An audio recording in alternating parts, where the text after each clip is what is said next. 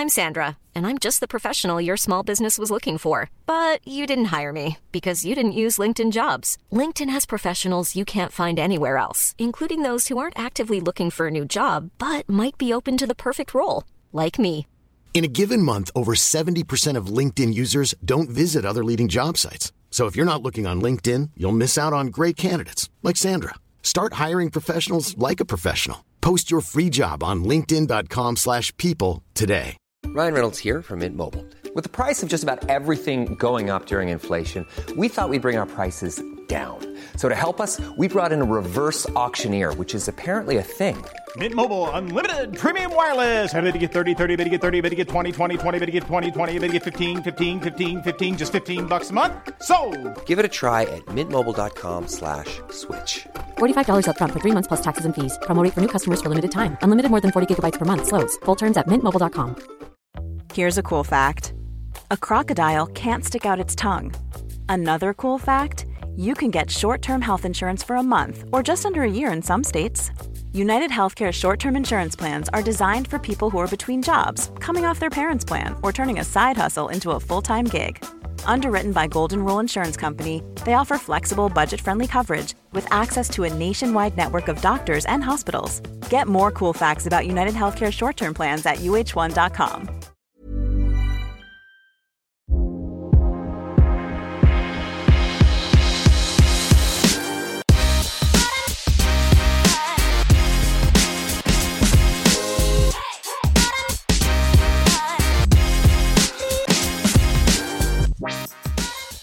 Max. Hallå Alexander. Hur är läget med Max idag? Ja, det är riktigt fint alltså. Ja, alltså det är ju skol, varit skolstart så att det har ju varit liksom förkylningar. Du vet, det kom ju som ett brev på posten. Det känns som halva byn här är, Ja, är förkyld. men det är ju det alltså efter skolstart så det tar ju baske med inte många veckor alltså. Det är ju mer regel än undantag. Alltså det är nästan som man börjar tänka att det är något konstigt. Om man inte blir sjuk så att. Ja, men annars är det bra. Ja. Kul att höra. Ja, hur mår du? Eh, Jag mår bra. Det känns som, ja, ja det, här, det är mycket att stå i just nu. Fast det är lågsäsong, typ. Men ser fram emot en lugnare höst. Vi har ju blå himmel idag. Det har inte regnat idag heller. Det är fantastiskt. Nej. Det här, den här sommaren har ju varit liksom... Ja, det har ju varit extremt mycket nederbörd här. Man har ju sett på TV att de har fått mycket nederbörd söderut och vi har väl fått lika mycket här, eller ja, väldigt mycket i alla fall. Men det har ju run, vi, vi bor ju på ett sånt ställe där det rinner bort väldigt, väldigt mycket. Och vi har ju också väldigt överdimensionerade vattendrag eftersom att vi har sån extrem snösmältning så att... Ja, det är ju jättetråkigt att se liksom alla som har drabbats av nederbörden. Ja, jo men det är det ju. Men eh, det ser bättre ut nu i alla fall och jag ser fram emot lite... Eh, jag är ju med på älgjakt, men vi kör ju oktoberjakt så det ska bli mysigt att komma till stugan om en månad och eh, före det hoppas jag komma utomlands en vecka. Men det är bara så spekulation. Ja. Och cykla. Eller öns- önskningar. Det är ingenting beställt. Eller rullskida. Ja, det hade ju varit någonting. Men jag, jag tänker mer på typ att lägga mig på en strand. Om det finns några sådana varma ställen än. Det borde finnas i september.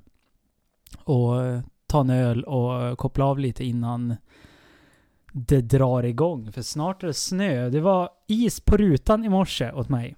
Mm. Ja men samma här. Vi hade två och en halv grad kallt i natt. Eh, natten till den 6 september. Det är alltså, man, man längtas ju fan nu alltså. Det är... Fast nej, det var lite ångest i morse alltså. När jag bara så här, hade som vanligt lite bråttom till jobbet. Så bara, nej, det är is på rutan. det, Ja. det var en otrevlig överraskning. Men eh, det är kul när det väl kommer. Men sen blev det jättevarmt idag. Det var ju jätteskönt. Jag stod ute och plockade lite ved på jobbet så att eh, vi har lite vedsäckar till alla gäster i vinter. Och eh, jag brände mig lite i nacken. Oj. Ja men det var ju, det var ju riktigt blåväder. Man, eh, man längtas ju nu. Men sen vet du när man... Det är ju bara någon vecka kvar så får- får man börja plocka fram motorvärmarsladdar och där man ska byta däck och det är liksom mycket sånt där att stå i. Man ska plocka undan så att det inte ligger något ute när snön kommer så att ja, det snöar över alltså. Det låter nästan som att du eh, nj- njuter av det där, eller? Nej men alltså det är ju Det är ju mycket pill också innan det väl Alltså innan man, innan det blir åka av liksom. ja, men vad, vad har hänt sen sist då? Vad, vad är agendan för dagens poddan, poddande? Ja men idag tänker jag vi ska prata lite grann om eh, rullskidlopp här. Eh, Alliansloppet kanske är väl det största som har hänt och så sen eh, tycker jag att vi måste stanna till på, om jag har några personer jag vill prata om det här. Sen har vi ju Therese Johaug som har, ja, beroende på hur man ser det då, men öppna för en comeback. Ja, då ry, ryser halva skidvärlden, eller? Ja, ja. Är det glädjerysningar eller är det oh? Ja ja, det där får vi återkomma till, men det, det ska bli jätteintressant att snacka om.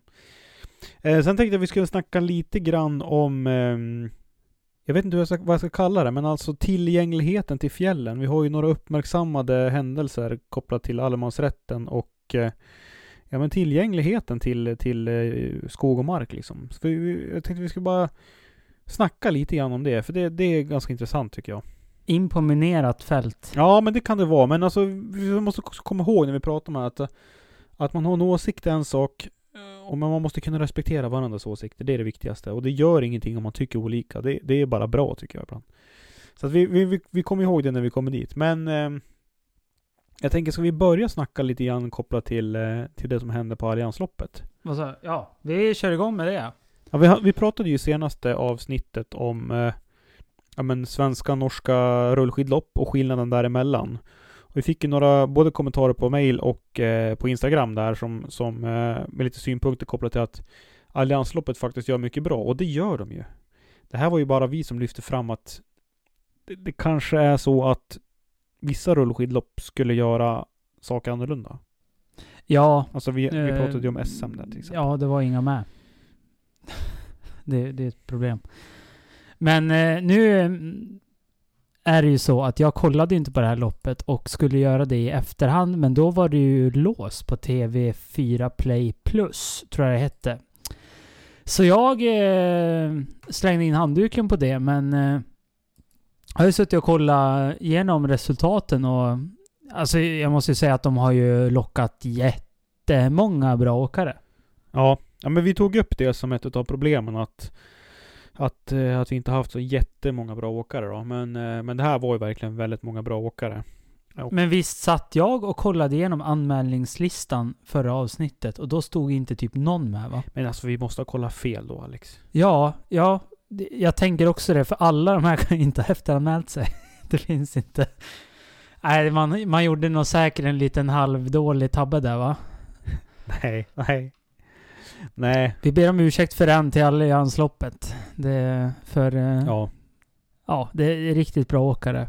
Alltså jag, jag skulle vilja, vi har sagt att vi ska snacka lite mindre resultat här, men alltså jag måste ändå lyfta fram alltså Astrid Öreslind på damsidan. Vilket jäkla lopp. Alltså hon verkar ju vara i sån helt otrolig form just nu också. Ja, det där kan man ju kalla utklassning va? Det är två minuter och 42 sekunder före tvåan.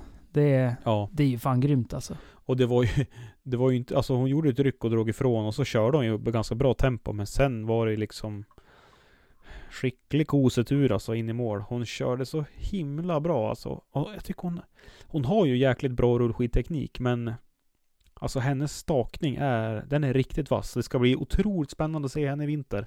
Ja, det ska det verkligen. Jag sitter där och kollar, det det är ju många namn som är långt bakom henne och... Men väldigt, väldigt många... Det är sällan jag kollar en resultatlista och känner igen så många namn. Faktiskt. Det är väl för att det är en svensk tävling också såklart, men... eh, Ja, många. Det är lite poddfavoriter och... Men hur som helst väldigt eh, intressant att se och det är ju väldiga avstånd. Jag antar att de hade samma rullskidor. Ja, nu kör de.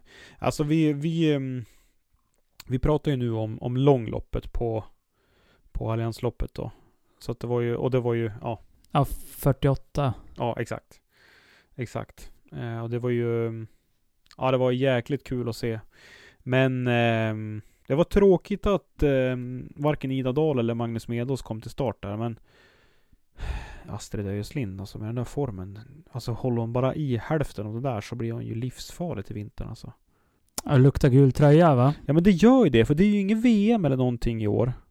Så jag tänker att hon har ju, måste ju ha otroligt goda chanser på att liksom bara satsa Bara satsa på, ja men, gula tröjan då. Mm. Å andra sidan kör hon ju så jäkla bra i fjol så att man, vem vet, hon kanske blir inkallad på lite landslagsuppdrag också. Ja, det, det är både kul och jävligt dåligt. Om det blir så. Men vad tror du är bäst PR liksom för långloppen då? Är det att hon kör för gula eller att hon är inne i världscupen? Och... Hiring for your small business? If you're not looking for professionals on LinkedIn, you're looking in the wrong place. That's like looking for your car keys in a fish tank. LinkedIn helps you hire professionals you can't find anywhere else, even those who aren't actively searching for a new job but might be open to the perfect role. In a given month, over 70% of LinkedIn users don't even visit other leading job sites. So start looking in the right place. With LinkedIn, you can hire professionals like a professional. Post your free job on linkedin.com slash people today. Life is full of what ifs. Some awesome, like what if AI could fold your laundry? And some, well, less awesome, like what if you have unexpected medical costs? United Healthcare can help get you covered with Health Protector Guard fixed indemnity insurance plans. They supplement your primary plan to help you manage out of pocket costs. No deductibles, no enrollment periods, and especially no more what ifs. Visit uh1.com to find the Health Protector Guard plan for you.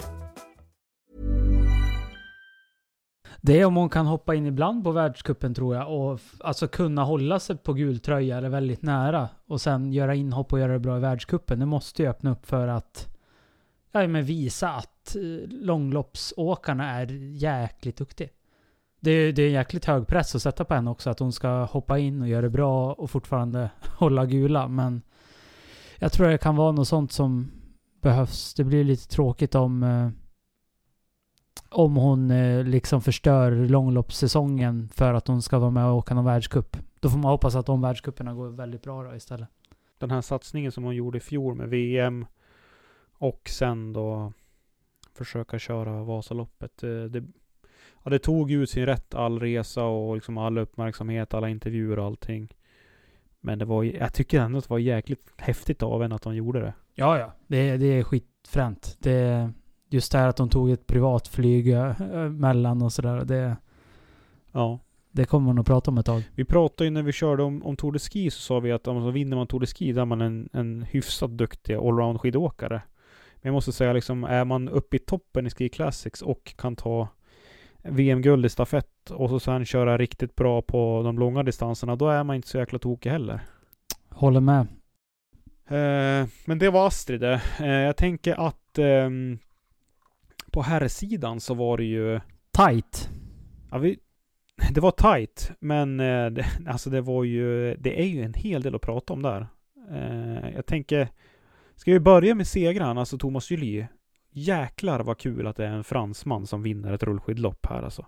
Ja, det här är inte jag hängt med. Han åker för Team Näringsbanken. Stora Enzo, tror jag ska stå också. Alltså, vad heter han, eh, Biffen i Frankrike? Han som är så jäkla bra på sprint. Mm. Chauve. Han har ju också kört ruskigt bra. Eh, det känns som att många av fransmännen är duktiga på rullskidor. Han kommer på 18 jo. Ja, och han körde ju skitbra på, var det Blink eller toppidrottsvecka tror jag? Nej, det var toppidrottsvecka som han vann sprinten tror jag. Eh, I alla fall var långt framme. Men eh, ja, det här är viktigt. Det här är nyttigt för sporten det. Ja, fan vad kul om fransmännen kommer och är starka. Jag tänker lika tyskarna, alltså om de kan...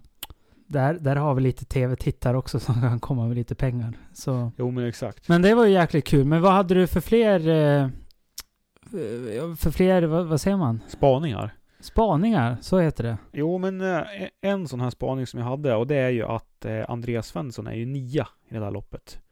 Han är ju jättetajt på eh, eh, ja, eh, fem sekunder efter. Så att han gjorde ett skitbra lopp alltså. Han är, han är också ensam. Jag vet inte om de ligger teamkör jättemycket. Det kändes inte som att de gjorde det. Men alltså, Åtta till och med han va? han åtta till och med? Mm. Ja, nå, där någonstans i alla fall. Jäklar vad bra han körde och hoppas verkligen han får till det i, i vinter med ett team alltså. Men det känns inte som att det blir det va? Ja men fan, han är ju Emil Persson är ju 20 Alltså han har många bra. Jutterström är bakom och Anton Gran. Musgrave, alltså jäklar. Nej, Andreas. Om du lyssnar på det här, ta tag i det här nu. Det är ju bara att ringa vem som helst. Fan. Vi, har en liten förkärlek till Andreas alltså. Är det så Ulricehamn ut i Europa? Då får de fan bygga ett lag runt honom. Alltså han har ju säkert bra uppbackning från Ulricehamn. Men det handlar ju också om att ha den sportsliga, alltså när du står på startlinjen, ta någon som kan laga stavar, ha någon som ja, kan göra det. Han är ju helt ensam. Kanske inte ja, av alla skidorna. Det krävs ju i och för sig inte när man kör originals, liksom att du har den eh, möjligheten till teamkörning. Men eh, alltså att bara kunna, ja, jag vet inte. Man vill ju att det ska gå bra för honom på något sätt. Mm. Verkligen. Ja, men han körde också riktigt bra. Sen Alexander tänker jag att vi måste prata om din gamla gamla idol Petter Northug va? För han körde väl inte heller så dumt i det där loppet. Eller ja, vi, vi, vi kommer dit sen. Vi kan ju stanna kvar. Vi kan ju stanna kvar lite grann på Alliansloppet. För ja, men vi pratade ju om, om eh, Alvar Myrback förra avsnittet. Att han körde så jäkla bra under toppidrottsveckan. Alltså, men, alltså han dammar ju hem en seger i 15 kilometer sen eh, på, på söndagen där i Alliansloppet. Mm. Jag blir sjukt imponerad av honom. Ja, det, han börjar bli stor, nästan för stor för det här snart va? Det blir väl eh, OS och VM han blir intresserad av? Eller vad tror du? Ja, alltså jag vet inte. Han har ju sagt att han ska satsa på det och han har ju sagt i intervjuer liksom att ja, men han satsar mot, mot världscupen så att, för att han ska köra så bra nu så att Byström måste ta ut han. Men han tränar ju fortfarande med lager och han kör ju en del långlopp. Det är i och för sig kanske en del i hans träningsupplägg. Men det känns ju som att han kommer ju köra bra i vilket lopp han än kör, känns det som. Han har ju tekniken både på både på skate och på stakning liksom så att... Ja. En jäkla talang och eh, han går ju verkligen in för det så han kan nog bli bra i vilket av den väljer. Ja. Ja men verkligen. Jag tycker Anton Gran kör jäkligt bra också. Han körde ju riktigt bra i sprinten och, och bra på långloppet och ja, någonting som slog mig det var ju att han körde ju i Eksjöhus dräkt och hjälm. Och jag tror han gjorde det även under toppidrottsveckan och blink, vet du. Men han är väl uttagen där? Ja, jag vet. Men han ska ju satsa tradd i vinter. Som jag fattar i alla fall.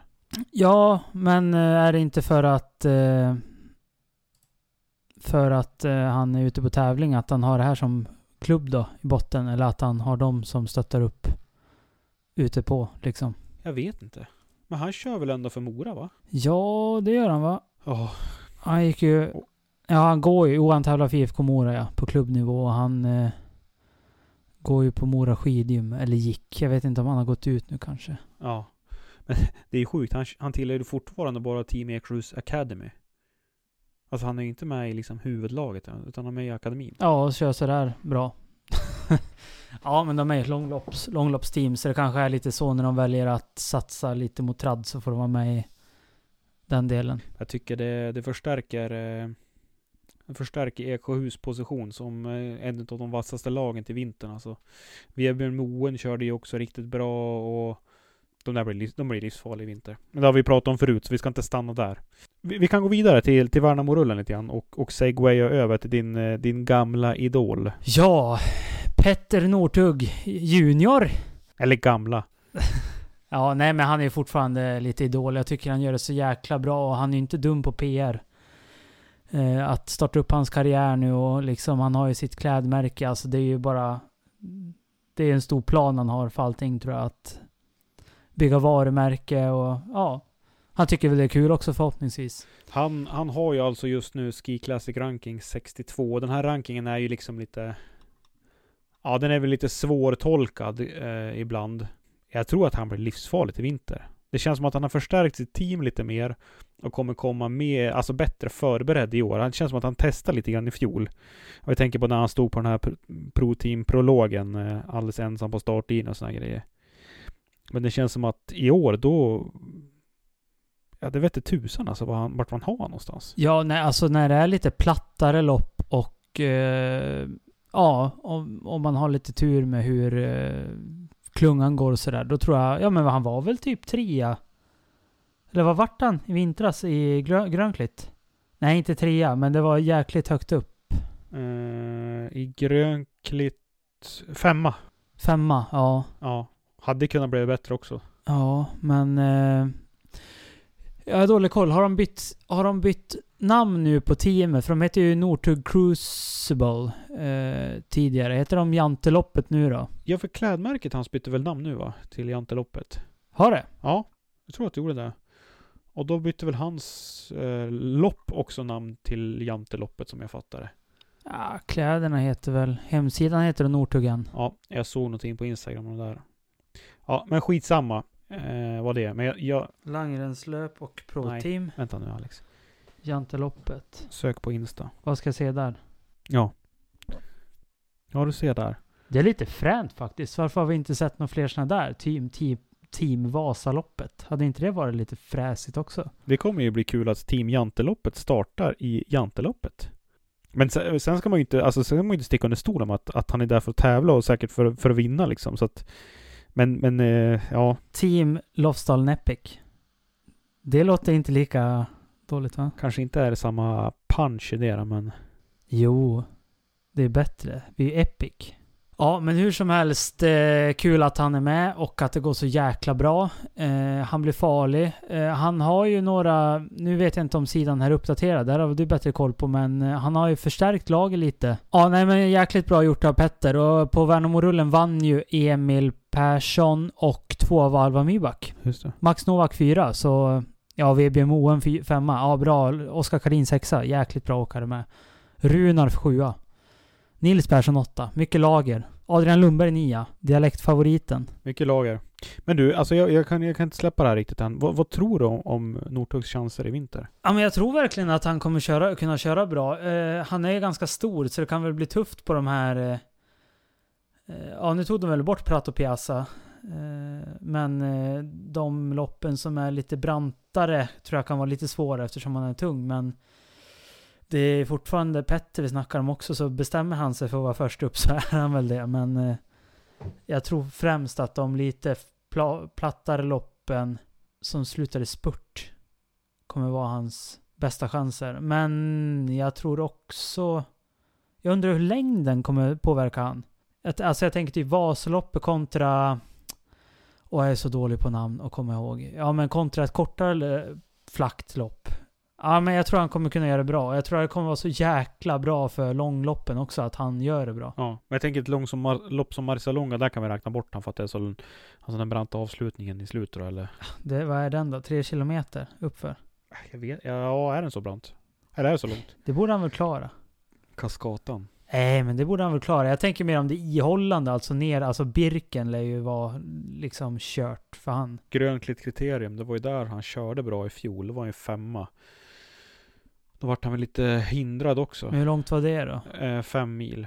Ja, den var väl inte så flack heller va? Alltså om man hänger med in på ett upplopp på Vasan, tror han kan ta Andreas Nygård och Emil Persson?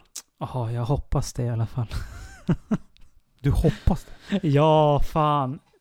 Nej men eh, jag vet inte. Alltså de är så jävla bra och det är långa sträckor. Alltså Northug kan ju, jag menar eh, VM i Falun, hans upplopp där liksom på fem milen. Men det beror ju på helt vilka man möter. Alltså han mötte ju Lukas Bauer och Johan Olsson på det upploppet. Och så var det väl Vylikchanin va? Och det... Ja, jag tror det var Vylikchanin som strulade till det för sig, så han kom väl eh, fyra. Han som höll på att välta, så kom eh, Bauer tvåa och Olsson trea. Om jag minns rätt. Eh, Men det är efter fem mil och då kör de fan på, på eh, vanliga traddbanor och de är ju inte att leka med. Så okej, jag kanske ska vara tyst. Han kanske är bra på uppför. Men jag tänker eftersom han är så stor liksom. Eh, Men ska vi tippa något? Tar han, tar han en seger i vinter? Eh, nej, men jag tror att han är på pallen. Jag tror han vinner ett lopp när det blir avvaktande körning och de råkar få med han för länge. Ja, men det, är- det är nog en bra spaning. Mm. Det tror jag, ja, det tror jag, det tror jag han vinner. Och det är lite, det är för mycket teamkörningar så han bara kan glida med. Och så strular, ja, att det blir tjockt men han klarar sig bra typ. Ett långt skott, men eh, jag tror det kan vara kul att kolla på om han vinner. Det är ju det som jag tyckte var det Emils styrka också. Att han är så helt... Ja, Kläbo har ju den styrkan också. Att det var hux flux så dyker han upp och positionerar sig. Och så tar han positioner och sticksackar sig fram. Och så helt plötsligt så har han liksom drömläget. Ja, men det, det kan bli ri- riktigt intressant. Ja, det ska, det ska bli jättekul att se. Sen nämnde vi i början för att byta ämne helt och hållet. Men vi håller oss till de här som är lite tradd då. Eh, Therese Johaug. Det är så att också, eh, Team Aker Dählie och Eksjöhus har ju gjort en eh, gemensam satsning nu för att få kvinnor eh, intresserade av långlopp eller att främja eh, de kvinnor som vi har kanske det egentligen handlar om. Lite otydligt. Eh, och det är lite otydligt vad hennes roll är också, men, men i samband med, med det här uttalandet och så gjorde man en intervju med Therese och hon sa att ja, men hon Ja, hon hade väl inte stängt dörren för att fortsätta tävla och hon tränade ju faktiskt en hel del just nu. Och det... Alltså jag tänk, alltså det som, det som slår mig direkt, det är ju Marit Björgens inhopp i Ski Classics för två år sedan. Som inte gick jättebra. Jag tror man måste få köra igång kroppen lite va? Det är inte bara att Nej, så är det ju. köra liksom. Sen vet vi ju alla vad den där tjejen går för. Hon är ju helt... Ja, hon är ju helt livsfarlig. Det hade ju varit ruskigt kul att få se henne tävla igen. Alltså även fast, även fast vi, Sver, Sverige och svenskar har förlorat så många gånger mot just Therese Johaug. Och man har sett henne som liksom den största antagonisten ibland. Men alltså det vore ju... Alltså för skidåkningen skulle vore ju ganska häftigt alltså om hon kunde komma tillbaka. Ja, och nu när svenskorna tagit ett steg framåt också, må många andra överlag har gjort det. Så kul att se hur hon står sig. Och hon är 35 och har ju blivit mamma och det vi, vet vi är rätt bra. Det, man får ju bra hormoner i kroppen och så av att vara gravid. Eh, men eh, ja, hon måste ju, alltså hon kan ju inte lägga av och inte träna ett tag och sen börja träna på och vara bäst i världen igen. Så det, det blir jävligt intressant om hon kör. Då, då får man ju en anledning att kolla på lite mer tradd. Exakt, och det var min nästa fråga. För nu ska hon ju hoppa in i Eksjöhus och Aker och stötta dem. Det är någon form av gemensam satsning. Tror du att de kommer välja tradd? Eller tror du att de kommer välja långlopp? Om det nu skulle falla sig så att hon, hon, hon gör en comeback. Jag tror fan hon kör långlopp då alltså. Nu när du säger det. Eller? Alltså det hade ju varit otroligt häftigt. Alltså bra sätt att marknadsföra eh, Ski Classics och, och alla typer av långlopp egentligen. På Epic. För tänk dig själv att stå på startlinjen med Therese Johaug. I ett Vasalopp eller någonting. Ja, jag, jag, jag tänker bara liksom träningsmässigt om hon så här ska göra inhopp och så. Det är ju lättare. Alltså köra en Anna Jönsson Haag. Alltså hon tränar väl inte på elitnivå som jag har förstått det längre. Men eftersom det är långlopp och är, de är ju liksom mer lågintensiv och längre arbete går det bättre än om hon skulle ställa upp ett 15 kilometers. Ja. Ja, men fan det är inte en dum idé. Går det, det där skulle du ha lagt lite pengar på. Går det? Ja men alltså hon, hon hon har ju inte en jättehög eh, slutspeed liksom, utan hon har ju kört ifrån folk i uppförsbackar. Med besked.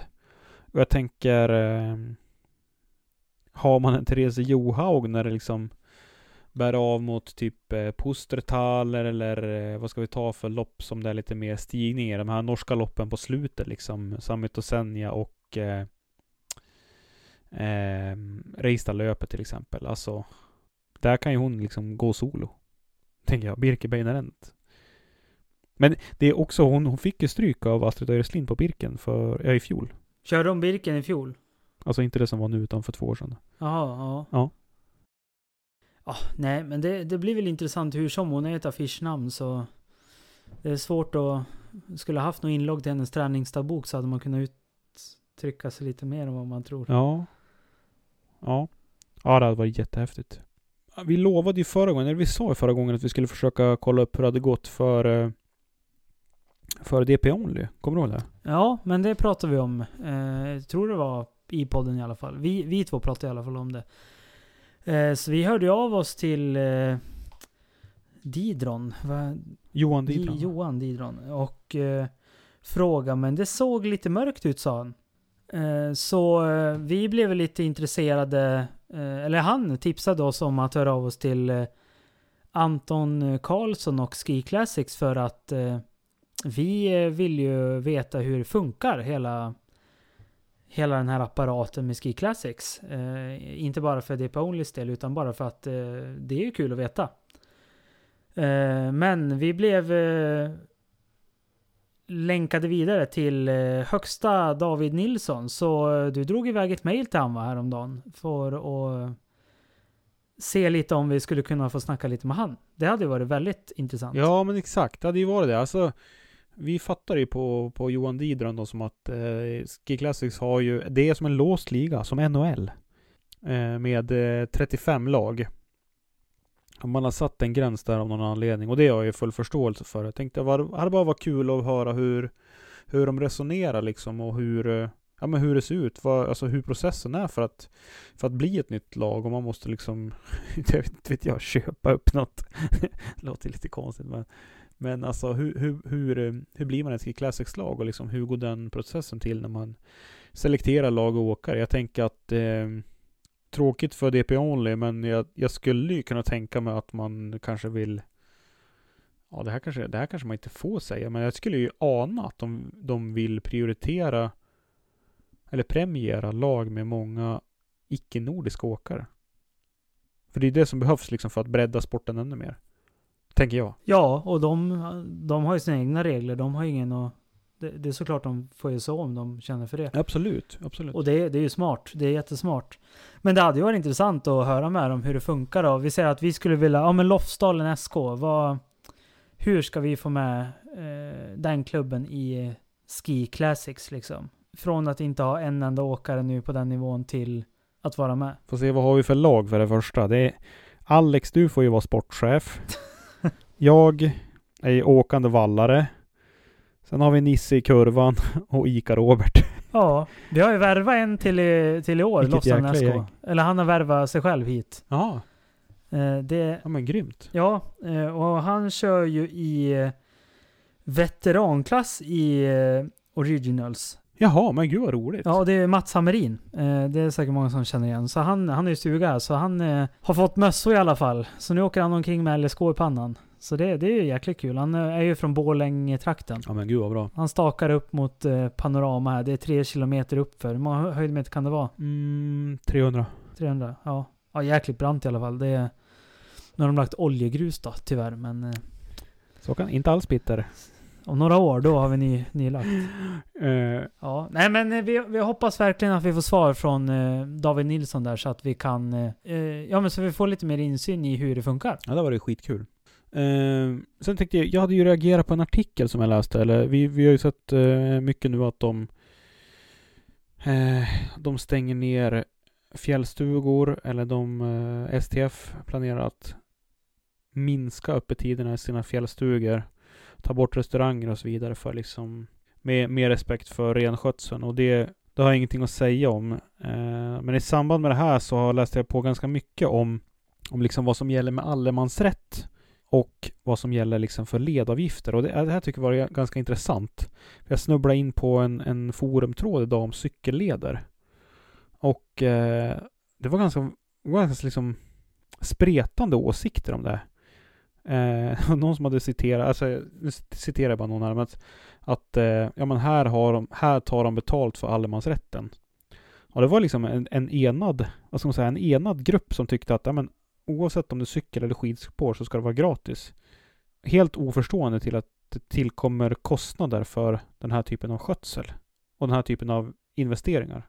För det är faktiskt det det är liksom. Och här kan väl många förstå att jag, eh, jag, jag håller mig ganska utanför just den här eh, allemansrättsfrågan på så vis mot fjällen där och så. Jag är inte jätteinsatt. Eh, men just det här med leder förstår nog alla att jag är ju på den sidan som tycker man ska kunna ta betalt. Eftersom eh, det är det vi jobbar med. Fyra stycken eh, heltid året runt där. Med att underhålla, fixa, pista. Eh, en pistmaskin eh, är ju inte gratis att köpa till en början. Det är ju två miljoner den drar 15-20 liter diesel i timmen plus personalkostnad. Eh, har börjat komma gröna ska vi säga också. Eh, grönare pistmaskiner som går på delvis el. Eh, ännu dyrare såklart, men eh, är det någon som vill ge ett bidrag så kör jag en sån i vinter. Givet. en Swish-kampanj kanske? Ja, Swish-kampanj. Men alltså jag, jag vet, de var, det var en dom på det här. Det var ju i Mora på eh, Hemus Och nu är jag inte jättepåläst, men jag undrar om det har med att det är konstsnö att göra om elljus fungerar. För då var det ju någon som vägrade betala, men de, de vann ju i att få ta betalt eftersom allemansrätten, ja, den gäller överallt, men vill du verkligen köra skidor på allemansrätten, ja men åk 10 meter utanför det preparerade spåret då. Så känner du hur allemansrätten egentligen fungerar. Ja, exakt. Eh, och där har vi lite problem, eller problem har vi inte på so sommaren, så det är lättare. Turismen och cykelutövandet överlag är ju ganska nytt. Alltså vandra har ju folk alltid gjort och vet att det är, alltså gå det är gratis. Men eh, cykel, där tror jag folk har lärt sig att ja men ska jag cykla på en o... En hel, eller en oarbetad led. Ja, single track, alltså stig så här. Det, det kan vara kul och så, men många vill ju cykla på de här grävda lederna tillrättalagda områden och då, alltså det ska jag säga att jag tror att många är beredda att betala för det. Och jag hoppas de gör det. jag Är beredda att göra det också för det, eh, där snackar vi ännu mer eh, pengar. Eh, underhåll, ja, över tid väldigt dyrt, men kan, det är inte som att pista varje dag. Men att bygga de där lederna är inte billigt alltså. Det är många miljoner. Eh, och det har jag ju erfarenhet här från Lofsdalen från att det är inte gratis. Det är grävmaskinister och det är eh, stigbyggare och ja, så det där är en svår fråga. Sen vet jag, eh, säger jag med pondus, eh, det är mycket så här, eh, tror jag kommer ihåg. Men att eh, det är ju på någon slags remiss eller eh, under, eh, eh vad säger man, på statlig nivå. Det är under eh, utredning, heter det hur man ska göra med vandringsleder. För statliga lederna, de har ju statliga bidrag typ de runt, eh, ja du, pr du pratar ju om eh, Jämtlandstriangeln nu, det är där de har börjat stänga lite stugor och så. Mm. Eh, men här, vi som är på privat mark, vi får ju ingenting. Men, men, men, folk är så himla fina så att vi, vi har ju swishskyltar där du får swishat bidrag om du känner det för och vi får in lite pengar faktiskt. Eh, det täcker inte underhållet men eh, det är en bra hjälp på traven. Ja, så jag hoppas att de kommer fram till något bra upplägg där. För att jag, jag tycker allemansrätten är någonting vi verkligen ska värna. Den ska vi inte göra någonting med. Eh, är min åsikt. Och, eh, men vi måste kunna sköta om lederna. Speciellt där de är eh, eh där det är mycket trafik eller mycket slitage. För eh, vi måste ju skydda naturen också. Många märkte nog det som var ute och vandrade i somras att eh, blöt, lite mjukare mark, alltså lite torv, eh, myr och högt tryck med mycket folk, det blir inget bra. Och då ska man helst lägga spång eller kanske, det är mycket nytt nu att man ska lägga grus och med ett sånt här nät i botten eh, för att det håller längre och ska vara bättre på lång sikt. Eh, men eh, det kostar ju pengar och så. Nu är det en jättelång monolog här men... Eh, Nej men det är jätteintressant att höra för Alltså det, det som jag reagerar mycket på med men, både de här inläggen men också liksom den här attityden som har varit på vissa håll där man inte har velat betala för liksom preparering och, och an, att alltså befinna sig på en anläggning egentligen.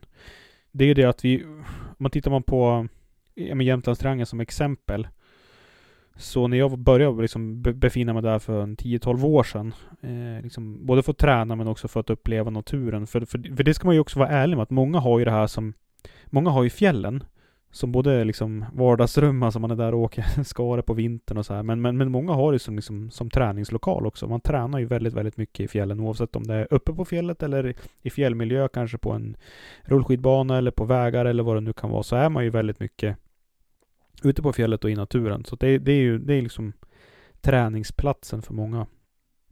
Och alltså det skillnaden man kan se då från nu, det är att vi har liksom från att ha tre, fyra spår i bredd, alltså vandringsspår eller löpspår, så är det liksom 25 spår i bredd på vissa ställen. Det blir bredare och bredare. Folk vill inte gå där det är blött och då går, gör man ett nytt spår uppe på marken där det är torrt och så sen blir det bredare och bredare.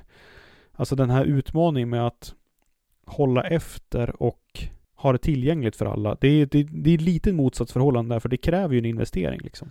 Ja, eh, och där, jag pratade med en kompis om det här idag faktiskt, med Jämtlandstriangeln och, hon belyste mig på någonting jag inte jag hade tänkt på. Ja, men de, de drar ju ner på de här bäddarna. Det är kanske det, alltså det är kanske är självklart för alla andra, men jag blev mest bara så här, varför gör de det?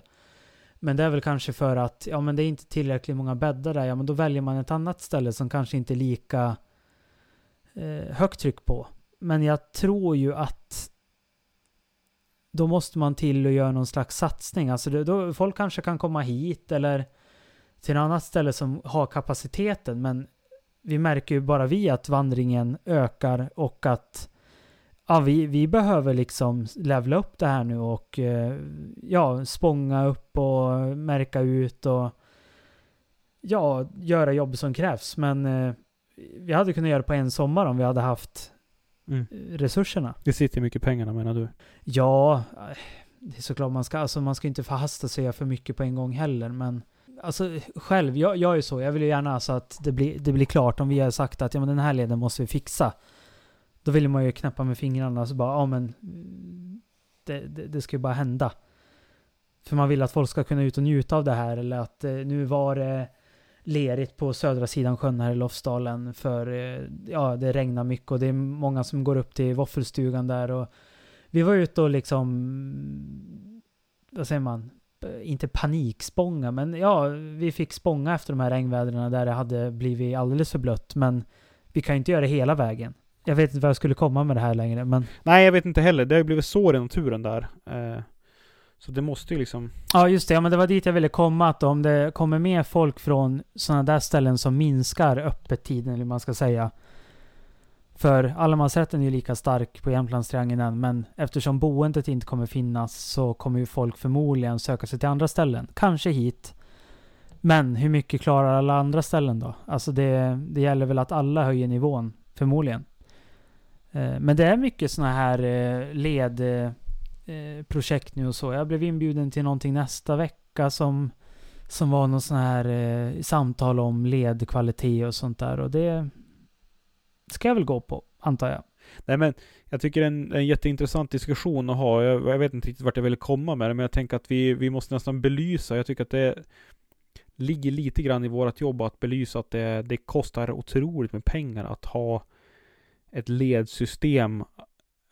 Ja, men dels har det röjt på sommaren så att det kan komma snö. Alltså någon som preparerar det. Alla maskiner, maskinhallar. Alltså ni är fyra anställda. Alltså det är ju jätte, en jätteapparat bara för att ha liksom 10 mil skidspår och ja. Det, det, det, det är ju såklart Ja, sen, sen ska vi, Alex, sen måste vi någon dag prata om, det här hatar inte jag att prata om, men jag älskar att prata om det här. Människor som går i skidspåret. Men det kan vi spara till vintern. Ja, du, du lever ju... Ja, det, det, det kan vi göra. Det, vi har ju lite att prata om där. Ja. Jag blir ju, vad heter den, en sån här, en Ove då. Ja, ja, jag också för det mesta. Men ja, vi kan ju ta det till vintern varför vi är oense i vissa frågor. ja, ja, det kan vi göra. Ja. Nej men du Alex, eh, har vi något mer att ta upp? Annars vill jag bara säga att det har varit skitkul att sitta och höra och surra med dig en timme. Ja, men eh, tack detsamma. Ja, jag tänker att vi, eh, vi rundar av där och så hoppas vi väl på att vi får ett svar från David Nilsson här och eh, kanske kan prata lite grann om valla och fluorförbud nästa gång. Det kan vi göra. Intressant. Ja, verkligen. Verkligen. Men du, då önskar jag dig en supertrevlig... Eh, vad blir det nu? En supertrevlig helg. Få ut det här innan helgen. Tack detsamma. Ja, på återhörande. Hey, it's Paige DeSorbo from Giggly Squad. High quality fashion without the price tag. Say hello to Quince. I'm snagging high-end essentials like cozy cashmere sweaters, sleek leather jackets, fine jewelry, and so much more. With Quince being 50 to 80% less than similar brands. And they partner with factories that prioritize safe, ethical, and responsible manufacturing. I love that. Luxury quality within reach. Go to quince.com slash style to get free shipping and 365-day returns on your next order. quince.com slash style. Mom deserves the best, and there's no better place to shop for Mother's Day than Whole Foods Market. They're your destination for unbeatable savings, from premium gifts to show-stopping flowers and irresistible desserts. Start by saving 33% with Prime on all body care and candles. Then get a 15-stem bunch of tulips for just $9.99 each with Prime. Round out Mom's menu with festive rosé, irresistible berry chantilly cake, and more special treats. Come celebrate Mother's Day at Whole Foods Market. Imagine the softest sheets you've ever felt. Now imagine them getting even softer over time. That's what you'll feel with Bowl and Branch's organic cotton sheets. In a recent customer survey, 96% replied that Bowl and Branch sheets get softer with every wash. Start getting your best night's sleep in these sheets that get softer and softer for years to come. Try their sheets with a 30-night guarantee. Plus, get 15% off your first order at bowlandbranch.com. Code BUTTERY. Exclusions apply. See site for details.